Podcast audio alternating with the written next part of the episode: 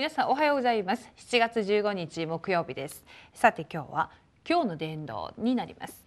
はい一緒の働き8章26節から40節までなんですが26から28を読んでいきたいと思います。えところが主の使いがピリポに向かってこう言った。立って南へ行きエルサレムからガザに下る道に出なさい。このガザは今荒れ果てている。そこで彼は立って出かけた。するとそこにエチオピア人の女王カンダケの交換で女王の財産全部を管理していた。宦官のエチオピア人がいた。彼は礼拝のためにエルサレムに登り今帰る途中であった。彼は馬車に乗って預言者イザヤの書を読んでいた。はい。多くの人が伝道を難しく思っていて伝道を誤解しています。伝道はヨセフがポティファルにそうしていたように私と共におられる神様を証しすることです。そして神様を知らない人々に神様は生きておられるということを証しすることです。伝道を正しく理解するためには必ず理解しなければならないことがあります。はい。で大きな一番です。伝道は神様のすべてです。伝道は神様のすべてでありこの事実を発見することです。神様はこの世を愛され一人の子であるイエス・キリストをお与えになりました。イエス様はすべて疲れた人重荷を負っている人は私のところに来なさいと言われました。そして私たちを呼び寄せられた理由は私たちを身近に置き福音を述べさせるためであると言われました。福音が全世界に述べ伝えられてから終わりの日が来ると言われました。また復活されてから最後に地の果てにまで証人になると言われました。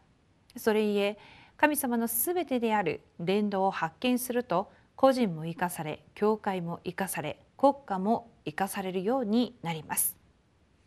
はい、神様は伝道がすべてであるっていうふうに言われました。えー、伝道それは私たちが非常に難しく思っているっていうふうに思っているんですがそれは全て誤解だっていうことです。ヨセフがポテパルのその畑で奴隷である身分にもかかわらず最高のインマヌエルを味わって結局はエジプトの総理になったかのようにこのように主は私たちがいる環境やさまざまな問題の中でもインマヌエルを味わうことを望んでおられます。伝道はすることではないっていうことはそれは神様がなさる働きであるんですけれども今日はですね伝道の誤解がほどかれて本当に伝道に対して幸せな考え方が持てるような一日になっていただきたいなと思います。それではですねそのためにどうしたらよいのか次の2番を見ていきたいと思います。考え、御言葉、実践レムナントが一生懸命勉強する理由は伝道のためです。成功した分だけ伝道ができるからです。もし有名な科学者になって認められて名声を得るようになると伝道できる範囲も広まります。そのためレムナントは3つのことをもって伝道を始めるべきです。すべての伝道とつながすべてのことを伝道とつなげていつも伝道を考えることです。そしてその中の神様の御言葉を握って祈り実践すれば伝道の門が開かれるようになります。この時答えがついてくるようになり答えを握って祈って実践すれば世界福音化が成し遂げられます。はい、今日の本文を見てみますとこの、えー、ピリポはですね精霊の導きをよく受けている部分が出てくるんですけれども主の使いがピリポに向かって言われたんですね。この見つかいが使わされて、え、立って南へ行きエルサレムからガザに下る道に出なさいというふうになっています。見つかいっていう精霊の精霊や見つかいこれ目に見えない存在なんですけれども見つかいが使わされてまたその精霊の導きを受けている姿が現れているんですけれども私たちがですね今日の伝道その伝道っていう中で絶対に伝道というものは成り立つっていうことが確かであるならですねそれ確かなんですけれども今日皆さんが今日一日のスケジュールの中で精霊の導きをいかに受けていくのかが今日の伝道の鍵になると思います。もちろん祈りや御言葉や伝道その3つのことを実践しながら一つ一つをもう実践の中でまた体質化していく部分もありますけれども一番大事な部分は伝道を自分でやろうということではなく主の導き精霊の導きを受けることが非常に大事だと思います。えー、ピリポがそのような精霊の導きを受けていたっていうことはですね日頃から契約やそして自分の祈りの課題また自分の世界福音化に対するその絵っていうのが確実にあったと思います。この一般信徒であった、このピリポがこの偉大なるアフリカの伝道の門が開かれるこのエチオピア人の交換にあって福音を語るまた読んでいた聖書の内容がわからないのにそれをまた説明してあげていたわけなんですね。つまりこの一人のこの重症者が、えー、御言葉祈り伝道そしてまた福音に対するこういう大きなエリートの人々を生かしていくことのできる備えられた人であったわけです。今日、えー、そういうことをいろんなこう内容を書いてありますけれども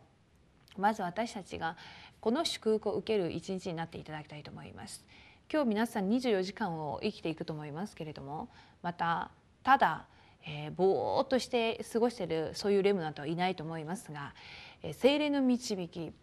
を受けてみてください、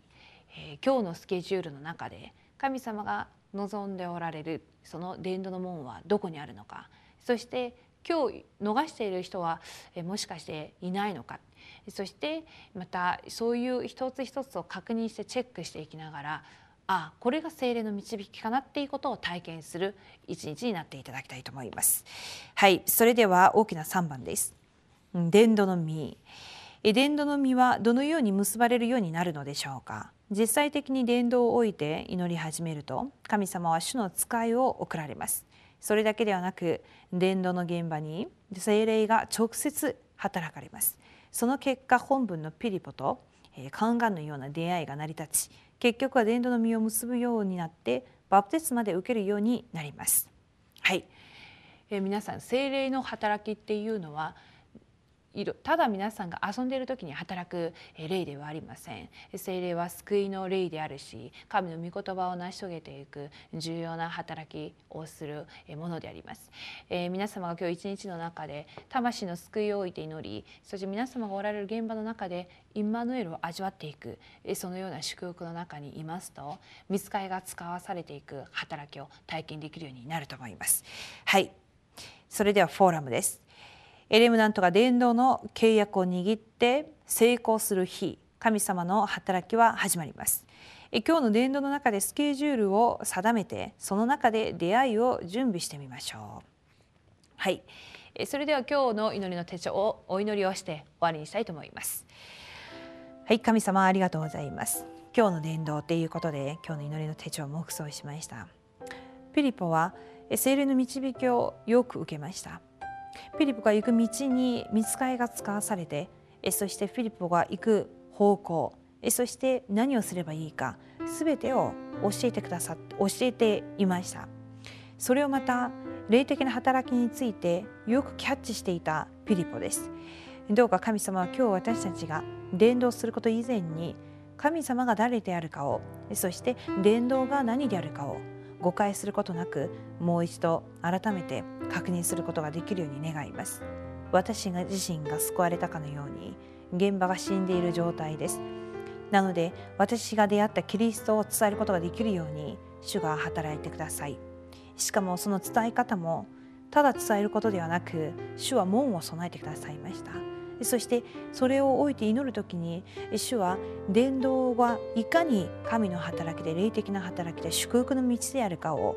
また教えてくださいます。どうか私たちが生きていく中で今日精霊の見働き見つかりが使わされる働き本当に私の前から後ろから横から主が共におられるっていうことを味わっていける一日であるように願います。今日のスケジュールを通して今日の伝道を発見する尊い一日になることを切に願います。すべてを感謝して主イエスキリストの皆によってお祈りします。